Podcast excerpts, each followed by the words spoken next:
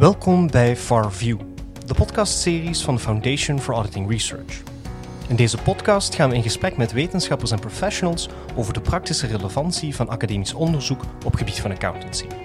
De Foundation for Auditing Research is een autonome onderzoeksinstelling gericht op wetenschappelijk onderzoek naar de kwaliteit van accountantscontrole in Nederland. De FAR faciliteert een unieke samenwerking tussen praktijk en wetenschap. In deze podcastseries bespreken we de betekenis van wetenschappelijke bevindingen voor de dagelijkse accountantspraktijk en andere stakeholders.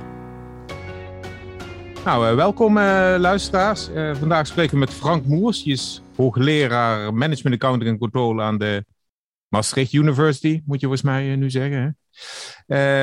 dat is hij al vele jaren. ja, Frank, leuk dat je er bent. Misschien goed om eerst over, je, over, je, over jezelf te vertellen, over je achtergrond en ja, wat, wat jouw uh, belangrijkste onderzoek is, wat je, doet, wat je het vaakst doet en, en hoe je in het audit-onderzoek eigenlijk verzeild bent geraakt. Ja, nee, ja uh, dankjewel voor, uh, voor de uitnodiging. nou, dus, ik ben Frank Moers. Ik ben in 2001 gepromoveerd, ook in, in Maastricht. inderdaad, tegenwoordig in de Maastricht University. Um, en sinds 2004 ben ik hoogleraar aan die instelling. Ik ben tussendoor nog een jaar weg geweest aan de University of Pennsylvania. Maar eigenlijk sinds 2000, eind 2006 weer uh, terug in Maastricht. Uh, onderzoek, ja, mijn vakgebied is, uh, zoals mijn hoogleraartitel aangeeft, in het vakgebied van management, accounting en control.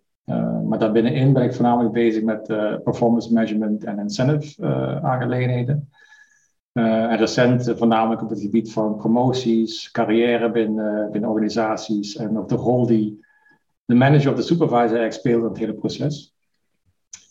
Um, nou ja, hoe ben ik terechtgekomen in auditing? Dat is uh, eigenlijk toevallig. Uh, ik denk dat het ongeveer het zijn, 11, 12 jaar geleden een van mijn co-auteurs de mogelijkheid kreeg om binnen een van de accountskantoren een, een onderzoek te doen. En wij hadden toen het idee om, om ons te richten op prestatiemeting en beloning. nou goed, dat vonden ze in principe prima. Maar na een aantal gesprekken kwam wel duidelijk naar voren dat uh, ja, hun probleem of waar ze mee in de maak zaten, was iets meer de retentie van het behoud van, van medewerkers en vooral talent. Toen zijn we even teruggestapt, uh, iets meer in de auditliteratuur gedoken, een auditonderzoeker uit Amerika erbij gehaald en ja, eigenlijk het onderzoeksvoorstel helemaal omgeschreven, meer richting human capital development and retention. Ja, en daar is ook een studie uitgekomen. Nou, in de tussentijd is ook een nieuwe AIO bij mij destijds begonnen. Uh, wiens interesse ook op dat gebied lag. Nou, ze had connecties nog bij haar vorige werkgever, een van de grote vier kantoren. En eigenlijk was dat ook weer wel het moment dat uh, ja, de accountskantoor als, als setting uh, toch wel ja, op de agenda kwam voor het, ja, het onderzoeken van management controlproblemen, alleen dan binnen de, de auditpraktijk. Mm. En die, die, wat voor rol zie je met name dan voor dat human capital onderzoek? Eh, in zijn algemeenheid en dan in het bijzonder binnen accountskantoren? Ja, kijk, het, het uh, kijk, er zijn een heleboel organisaties die, die, ja, waar een waarde ligt, uh, zijn de medewerkers, het human capital. het wordt steeds belangrijker, een heleboel automatisering vindt plaats, maar hele grote delen die kun je niet automatiseren. Nou, dat geldt ook natuurlijk voor de accountskantoor. uiteindelijk blijft het ook een, een, hoeveel artificial intelligence ook wil inzetten het blijft uh, aan de grondslag liggen een, een menselijk oordeel. Nou goed, en dan, uh, het management control onderzoek, maar daarbinnen een human capital onderzoek, is, uh, uit, ja, is gericht op hoe we zorgen ervoor dat de medewerkers binnen de organisatie eigenlijk doen wat we hopen dat ze zouden moeten doen en de kwaliteit te hebben. Maar ik dat, is op zich belangrijk voor elke organisatie waar eigenlijk het menselijk kapitaal het belangrijkste is, zeker professionele dienstverlening. en dus ook in de audit firms. Ja, goed, en nogmaals, de management is duidelijk gericht op hoe zorgen ervoor dat mensen binnen de organisatie uh, de juiste beslissingen en acties ondernemen. En uh, dat maakt uitermate geschikt. Ik denk wel dat in de algemene zin uh, er vrij ja, gelimiteerd onderzoek is geweest in het verleden op de basis van human capital, maar dat er nou een, bepaalde inhaalslag aan de gang is. Ja, en jullie kijken met name naar talent dus. want human capital is neem ik aan breder dan talent alleen, maar is dat, is dat een onderbelicht gebied dan? Ja, kijk, het, ja, talent is altijd heel, uh, ja, iets moeilijks om te definiëren. Uh, tegenwoordig proberen we ook iets, iets weg te gaan van de term talent, omdat toch wel een bepaalde, ja, iedereen heeft een eigen connotatie eraan verbindt.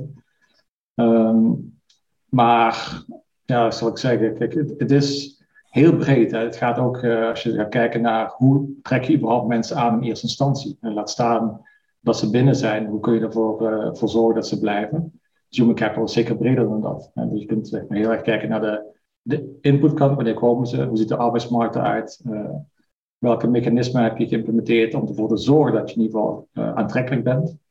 En dan de volgende stap, zodra ze binnen zijn, ja, hoe zorg je ervoor dat ze promotie maken en blijven. Ehm, en daar is wel op dit moment meer in op richten. Maar goed, er zitten ook een, een aantal onderzoeken die uh, meer aan de, de attraction kant zitten. Mm Misschien, is, misschien is het een mooi moment om wat meer te vertellen over jullie VAR-project. Dat loopt eigenlijk al, ik denk toch al vijf jaar bijna. Uh, ja. misschien, kun, misschien, kun, je daar wat ja, de achtergrond daarvan schetsen. En je had mij vooraf een paper gestuurd. dat is een soort van tussenproduct nu. Misschien, ja, misschien kun je daar wat over zeggen, over, die, over het project en hoe, hoe die paper daarin past. Ja, nou, het project dat, dat had als titel, de, of heeft als titel eigenlijk The Loss of Talent, The Threat to Art Quality. En uh, dat is inderdaad geboren uit uh, ja, al die eerdere projecten waar ik mee bezig was. In die zin van, ja, je ziet dat er human capital steeds belangrijker wordt, dat er steeds meer aandacht aan wordt gegeven, maar ook dat bedrijven er enorm veel moeite mee hebben om op een of andere manier dat te managen. En het VAR-project was eigenlijk ingestoken op van ja, wat zijn nou potentieel de ja, karakteristieken van medewerkers die relevant kunnen zijn hoger in de organisatie. Hè? Dus het talent of tegenwoordig noemen we het potential. Wordt natuurlijk gedefinieerd in termen van ja, als je binnenkomt heb je iets, maar potential betekent dat je karakteristieken hebt die belangrijk zijn hoger in de, in de organisatie. En daar wilden we eigenlijk binnen het, uh, het naar kijken. En dan specifiek gericht op een concept dat we, we tacit knowledge noemen. En het idee was dat uh, zoiets als tacit knowledge uh, belangrijker is naarmate je hoger in de organisatie komt. Uh, en dat zou dan een rol moeten spelen in audit quality, want dat is eigenlijk uiteindelijk het product wat je levert, is een audit engagement aan de cliënt. En ja, goed, de kwaliteit daarvan is het product wat je aflevert. En als tacit knowledge daar een rol in speelt, dan zou dat ook een rol moeten gaan spelen in het evalueren van medewerkers lager de organisatie. Want dat zijn je toekomstige engagement partners. En dat was eigenlijk ruwweg de, de, insteek van het, van het project. Maar wat is dan die tested knowledge? Waarom zijn jullie daar specifiek mee aan de slag gegaan? Ja, dat, is eigenlijk het gevolg van de eerste studie waar ik zei van 11, 12 jaar geleden mee begonnen waren. Toen we die audit-onderzoeker aan boord haalden. toen bracht hij eigenlijk naar voren. En wie is dat? Misschien, moet, misschien moeten we zeggen wie dat is. Oké, dat was Mark Beecher van University of Illinois. En uh, het idee was eigenlijk geboren uit een Dan en Libby study in de uh, jaren 90. Uh, en die hebben eigenlijk het concept een beetje naar, voren gebracht. En waar het ruwweg op neerkomt, je hebt, zeg maar, als je het zou klassificeren, heb je twee delen. Je hebt uh, technische kennis, technical knowledge en tacit knowledge. En mijn, mijn makkelijke manier uit van wat is nou tacit knowledge, is eigenlijk alle kennis die relevant is, maar niet formeel getraind kan worden. Maar eigenlijk leer je dat door sociale interacties, uh, door dingen te doen, uh, door leren van anderen. Dat is eigenlijk gewoon de, de test knowledge. En het idee zou zijn dat zeker in, in een setting zoals een engagement, uh, dat soort kennis steeds relevanter wordt, zeker als je de, engagement partner bent. Um, en zo is het eigenlijk geboren. En dus de hypothese zou zijn van, nou, technische kennis is uiteraard relevant, maar naarmate je hoger in de, in de hiërarchie komt, en jij degene bent die ook de engagement moet leiden, uh, zijn die andere type kennis die je eigenlijk hebt geleerd en niet formeel getraind hebt gekregen, uh, wordt steeds belangrijker. Maar het is dat ook aangetoond in het onderzoek dat specifiek die tested knowledge daar een grote invloed heeft? Of is dat een aanname die jullie uh, wilden onderzoeken? ja, dat, was, dat is eigenlijk onze, als we kijken naar voorgaand onderzoek, dan is de Dan Libby study die toonde aan dat meer ervaren auditors die hogere tested knowledge hebben, die hebben ook een betere prestatiebeoordeling. Nou, in mijn studie met uh, uh, Jasmijn Bol, Cassandra Astrup en, en Mark Peacher, uh, tonen wij vervolgens aan dat die managers die een hogere test knowledge hebben, zijn eigenlijk beter in het ook begeleiden en ontwikkelen van hun eigen medewerkers. en op basis daarvan, zeg maar, van, dat zou één reden zijn waarom mensen zeg maar, die ervaren zijn, een betere beoordeling krijgen als ze een hogere test knowledge hebben. een ander mechanisme of kanaal waar het door kan gaan, dus wat wij ons in het uh, Last of Talent project op richten is van ja, maar als je ook een test knowledge hebt als engagement partner, dan ben je ook beter in het managen van het team en de hele engagement. En dus zou de audit quality ook hoger moeten zijn. En vandaar dat je ook betere beoordeling krijgt. En dat is de hypothese die wij uh, voorleggen in de studie. Mm En, en hoe meet je dat dan, die tacit knowledge? Nou, dat is, dat is nog een hele romslomp, eerlijk gezegd. of, hoe, hoe, is het, hoe is het voorheen gemeten en hoe willen jullie het doen? Misschien is dat nog een betere splitsing. Ja, nou, in principe meten wij het zoals het ook voorheen is gemeten. Dus het, de, de, de originele maatstaf is in de jaren 80 uh, ontwikkeld. En Ten Libby hebben die dan zeg maar aangepast naar een auditing context. Uh, en waar dat neerkomt is in principe dat je de, de respondent, die leg je een, een, een groot aantal scenario's voor. En dan in dit geval binnen de auditpraktijk. En, op, en die moet dan voor elke scenario moet hij een, een, uh, een respons geven in termen van of hij of zij mee eens is, of welke acties hij of zij zal ondernemen. En omdat tacit knowledge domein, maar ook bedrijf specifiek is, uh, moet je dus gaan benchmarken. Dus wat wij hebben gedaan in de studie is, we hebben dan de, de topmanagementlaag, dus eigenlijk in dit geval een selectie van 17 partners, die uh, beantwoorden diezelfde scenario's. En zij zijn dus de benchmark, dus hun consensus score op al die scenario's is de benchmark. En dan kijken naar elke respondent in hoeverre overlappen de antwoorden van de respondent met die van de partners. En hoe dichter je uiteraard bij die antwoorden van de topmanagement zit, ja, hoe hoger je tacit knowledge. Dus zo meten wij het, maar dat is wel consistent met, uh, met voorhand literatuur. Dus de aanname is dat de partners de meeste tacit knowledge bezitten. Ja. Dat, maar, maar dat, kun, je, kun je dat bewijzen of is dat, dat is een assumptie? Dat is een assumptie. En het is eigenlijk een assumptie die, uh, ja, ik zou heel lomp gezegd zijn, die hoeft niet te bewijzen. Want uh, het is niet zozeer dat tacit knowledge in dat geval, uh, het hoeft niet per se goed te zijn. Je, je, kunt, je kunt ook denken aan een criminele organisatie waarbij je de tacit knowledge hebt die ook de top heeft. En daar moet je groeien door. Ik wil niet zeggen dat die kennis per definitie iets goeds is. maar het is wel zo dat de kennis die het topmanagement heeft, dat is, dat is de benchmark. Uh, en dat kan ook betekenen dat die, die kennis die daar leeft, uh, niet per definitie het beste is. Stel je, eh, je zit bij uh, een van de Big Fours en je gaat naar de andere Big Fours, dat dan de test knowledge exact hetzelfde is. Dat kan gewoon afwijken. Ja. ja. Oké.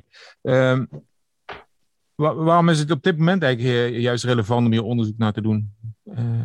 en niet al twintig jaar, nou, niet al 20 jaar geleden?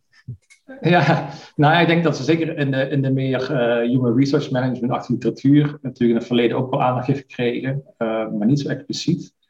Uh, ik denk dat op dit moment relevant is omdat, ja, kijk, de, de, de arbeidsmarkt is compleet aan het veranderen en is al over jaren heen. Dus de demografische factoren zijn anders, zoals vergrijzing. de jongere generatie is veel meer mobiel, die zijn veel meer geneigd om van werkgever te switchen. Waardoor je enorme krapte krijgt in concurrentie voor een, eigenlijk een kleiner wordende pool van medewerkers, waar iedereen in zit te, te selecteren.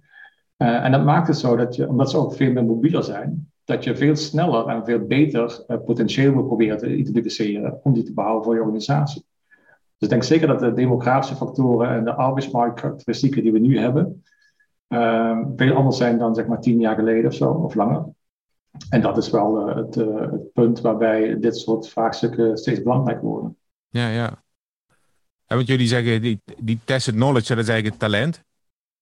Ja, als ik goed begrijp.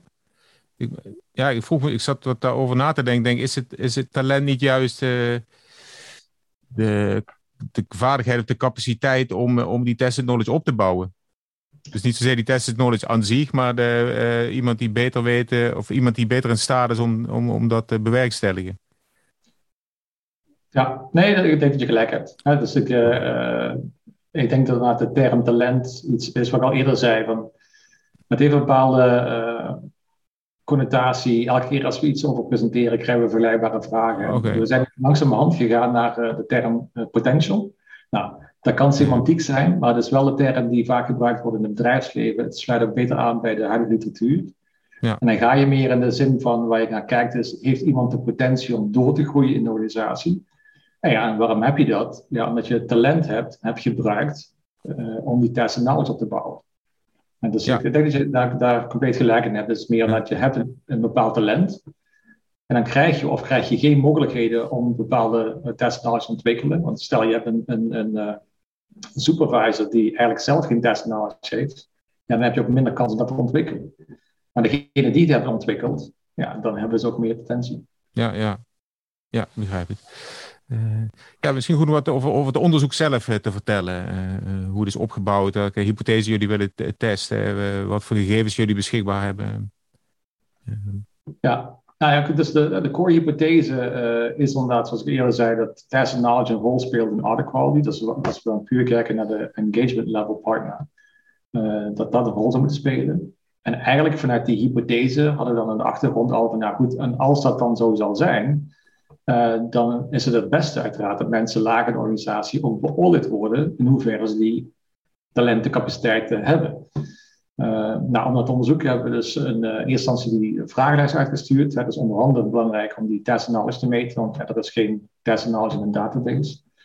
En daarnaast hebben we uh, de archiefgegevens van zowel het personeel, maar ook alle engagements. Dus de, de, de uiteraard zo dat alles gekoppeld kan worden, maar wel met behoud van anonimiteit. Dat betekent dat je voor elke medewerker heb je een antwoord van de vragenlijst maar je weet ook van die medewerker de personeelsgegevens. En je weet ook of die medewerker op een bepaalde engagement heeft gewerkt. En vervolgens weet je van die engagement ook weer, heb je ook gegevens. En zo is in ieder geval de, de data uh, opgezet. Um, en dan waar we naar, in eerste instantie naar keken, of hebben gekeken, is naar, als we kijken naar uh, die engagement partners. Uh, van, van hun is uiteraard ook de test knowledge gemeten. Um, en dan gekeken in hoeverre controleren van een aantal andere variabelen, waaronder technische kennis, in hoeverre dat een, een, een ja, verklarende waarde heeft voor de kwaliteit van de audit engagement waarop ze op werken. En voor dat laatste hebben we dan de, de internal quality reviews gebruikt die het, uh, die het bedrijf uh, op die engagement heeft gerapporteerd. dat is eigenlijk het eerste deel. Ik weet niet of je daar een vraag over hebt, maar anders... Nou ja, ja, één vraag die erbij had is, is dat een betere maatstaf dan andere kwaliteitsmaatstaven? Bedoelt is... de interne quality? Ja. Uh, nou, ik denk voor, ons onderzoek uh, zeer zeker. Uh, maar ik denk ook in algemene zin ook wel. Kijk, die, die, de, de, alternatieven die er zijn, die zijn eigenlijk maatstaven die in de oude literatuur zijn opgenomen vanuit de financial accounting literatuur. En de financial accounting literatuur zijn die gebruikt als proxies voor financial reporting quality. Nou, we dan voornamelijk gekeken naar in hoeverre regulering, instituties, incentives een rol spelen in het rapportagegedrag van een bedrijf. Ja, natuurlijk speelt een auditor daar een, een, belangrijke rol in, maar dat heeft een vrij indirecte relatie. Dus ik zou zeggen, uh, best case scenario heb je met die proxies uh, een, een, samensmelting van verschillende dimensies van, van kwaliteit. die internal quality reviews is natuurlijk direct gerelateerd aan de audit engagement. Het, het meet direct wat dit bedrijf vindt wat de kwaliteit van die audit is. Een nadeel is natuurlijk van, ja, maar ja goed, als bedrijf A zegt dat dit kwaliteit is, en zegt, legt diezelfde engagement voor aan een ander, zeg Big Four bedrijf, dat die misschien aan een ander oordeel komen. Dat kan zijn. Uh, dus dat maakt, het, dat maakt het lastig, maar voor ons onderzoek is het juist belangrijk om te weten van wat vinden zij belangrijk in termen van audit quality dus dit is wat zij willen bewerkstelligen. Nou goed, en daar wil je dus op richten. Dus daar wil je ook mensen op hebben die dat kunnen, kunnen realiseren. Ja. Dus als je zou zeggen, conceptueel hebben we een maatstaf die een overlap heeft met quality. Ja, empirisch is het exact wat we willen hebben. Ja, ja, ja. Zou je het nog kunnen vergelijken met die andere maatstaven? Zou je die ook nog kunnen uh, creëren? Ja, dat is eigenlijk ligt wel in de planning. Dus we hebben uh, nou, recent zijn er nog wat, wat checks gedaan op de data. Uh, die, zijn allemaal, dat, dat klopt allemaal gelukkig. Dus we willen nog wel teruggaan naar de meer standaard maatstaven die in de literatuur zijn gebruikt. En mijn verwachting is eigenlijk dat we daar vrij weinig gaan vinden. en dat, dat baseer ik ook op een andere studie die, die ik een paar jaar geleden in, in de Journal of Accounting Economics heeft gepresenteerd. die ook keek naar in hoeverre er een relatie is tussen bijvoorbeeld die internal quality reviews en sommige van die externe proxies. En dan zie je dat er gewoon vrij weinig correlatie in zit. Uh, dus ik, ik, zou denken dat we, dat we daar vrij weinig in vinden. En dan is de vraag natuurlijk van, ja, wat betekent dat? Uh, ja, dat, dat, laat ik aan de lezer over. Ja, ja, ja. Oké, okay, en wat hebben jullie gevonden uh, op, de, op dit nou, gebied tot nu toe? Ja, nou in ons geval hebben we het gevonden dat de, de, de hoe hoger de test advantages van de engagement partner, des te beter is de audit quality van de engagement. En dus we hebben zeg maar, de maatstaf die we hebben is eigenlijk de omgekeerde. Dus in hoeverre heb je internal quality review findings. dus hoe minder findings, hoe beter. en dan laten we vinden die, die, die relatie. En ik denk dat op zich hadden we dat gehoopt en verwacht. Maar wat ik denk ik belangrijker is, dat, dat tacit knowledge in dit geval ook veel belangrijker is dan technische kennis in het verklaren van de variantie in de order quality. Dus, dus, technische kennis is niet onbelangrijk, hè, dat is ook significant gerelateerd, maar veel minder dan, dan tacit knowledge. En het is in principe consistent met onze verwachting dat als je groeit in de organisatie, dat tacit knowledge relatief belangrijker wordt ten opzichte van technische kennis. Ja. daarnaast hebben we nog dat we eh, vinden dat, de, dat die managers ook minder uren nodig hebben op engagement. Dat zou enigszins kunnen refereren naar uh, ja, meer efficiëntie. Uh, maar er is geen fee difference. Dus er is geen, geen price premium of iets dergelijks voor, uh, voor engagement partners met een hoger task knowledge. Okay. Um, ja, dan de hamvraag. Wat, wat kan men in de praktijk met deze bevindingen? Nou ja, ik denk dat uh, dat is denk ik het eerste deel waar we het aantonen. Dat, dat, ja, dat op zich denk ik academisch leuk. Uh, maar ik denk vanuit de praktijk is het belangrijk omdat onze vervolgstap, die we ook uitgevoerd hebben in onderzoek, is oké, als we dan aan hebben getoond dat inderdaad test knowledge een belangrijke karakteristiek is in audit quality, dan wil je kijken in hoeverre mensen lager in de organisatie ook op die karakteristieken worden beoordeeld. En, en, daar vinden we wel zorgwekkende resultaten in die zin dat of we nou kijken naar uh, beoordelingen net voor de vragenlijst afgenomen werd, of beoordelingen na de vragenlijst werd afgenomen, dan zie je dat tacit knowledge geen enkele relatie heeft met de beoordeling van prestaties, nog van de beoordeling van potentie van medewerkers. En de enige eh, factor die daar een rol in speelt is pure technische kennis. Dus eigenlijk wat je ziet is, een, is iets wat belangrijk is in de engagement, wordt helemaal niet meegewogen in de beoordeling van nog prestaties, nog potentie. Ja, en daar gaat het denk ik wel, uh, wel serieus mis. Hoe, hoe, dus kan, dat, denk je? hoe kan dat, denk je? Is het, nou, is het een algemeen beeld of is het specifiek iets wat in die accountscontrole zich afspeelt? Uh, als ik dan even terugkijk naar, naar uh, een andere studie in een vergelijkbare setting, en maar ook andere acteurs in een andere setting, dan is het niet iets unieks, helaas. Uh, en ja, daar kunnen een aantal redenen voor zijn. Kijk, uh, we hebben in een vergelijkbare situatie een onderzoek gedaan naar een bedrijf wat geswitcht was van puur alleen prestaties beoordelen naar uh, prestaties en potentie beoordelen. een soort nine-box idee. en wat we daar eigenlijk vinden in dat bedrijf is dat promotiebeslissingen slechter worden, omdat de inhoud van die potentiescores helemaal geen voorspellende waarde hebben. En dan de vragen van ja, waarom? Ik denk dat dan voor een deel ook de, ja, ja, dat noemen we dan een academisch path dependence. Kijk, als je gewend bent om op een bepaalde manier te kijken naar historische prestaties, uh, en op een gegeven moment moet je naar potenties gaan kijken, ja, dan ben je al snel geneigd om toch naar dezelfde karakteristieken te kijken, terwijl die helemaal geen voorspellende waarde hebben. En zoiets vinden we ook wel in die andere studie, dat zou hier ook van toepassing kunnen zijn. Uh, plus, ja, het is gewoon lastig. Hè. Kijk, prestaties van het verleden, die hebben we gezien. Je krijgt een aantal signalen van hoe mensen op projecten werken. Maar potentie is uh, zeer subjectief. Uh, maar ja, dat maakt het niet minder belangrijk. En blijkbaar zijn ze toch uh, niet echt goed in staat om, om in ieder geval structureel gezien op een juiste manier te beoordelen. Mm. Dus er is toch wel wat werk te verrichten. Heb je suggesties daarvoor hoe men daarmee om zou kunnen gaan? Ja, kijk, ik denk, ik als je puur kijkt dus die naar nu de VAR-studie, en daar hebben we gericht op test knowledge. Maar eigenlijk wat dat betekent in bredere zin is, je moet als bedrijf, als je het echt uh, het identificeren en het behoud van potentie serieus neemt, en dan moet je gaan kijken naar wat zijn nou de echte karakteristieken en vaardigheden die hoger in de organisatie echt nodig zijn. En dan moet je ook gaan wat, uh, realiseren dat je die expliciet mee moet gaan nemen in de beoordeling lager in de organisatie. Dat is veel eerder. Uh, en ik denk dat daar nog een beetje een disconnect zit tussen. we weten wel waarschijnlijk dat die vaardigheden een rol spelen. Maar toch worden ze niet meegenomen. Dus het zal toch vanuit, uh, ja, vanuit HR-strategie toch veel explicieter aandacht moeten krijgen. Kijk, op de universiteit hebben we van die UFO-profielen. Nou, daar word je ook niet altijd vrolijk van. Maar ze geven voor een deel wel aan van ja, waar je naartoe zou moeten gaan. Maar ook in ons geval denk ik persoonlijk dat wij het ook niet helemaal expliciet meenemen. En toch een beetje net terugkijken naar het verleden. Bij UFO is het ook unidentifiable, toch? Ja, precies. Dus misschien heet het wel zo. Ja, ja. Goed. Ja, Frank, volgens mij hebben mensen dingen al geraakt. Ik weet niet of jij. Uh, ja, dit, deze paper wordt ook op het congres gepresenteerd. Hè?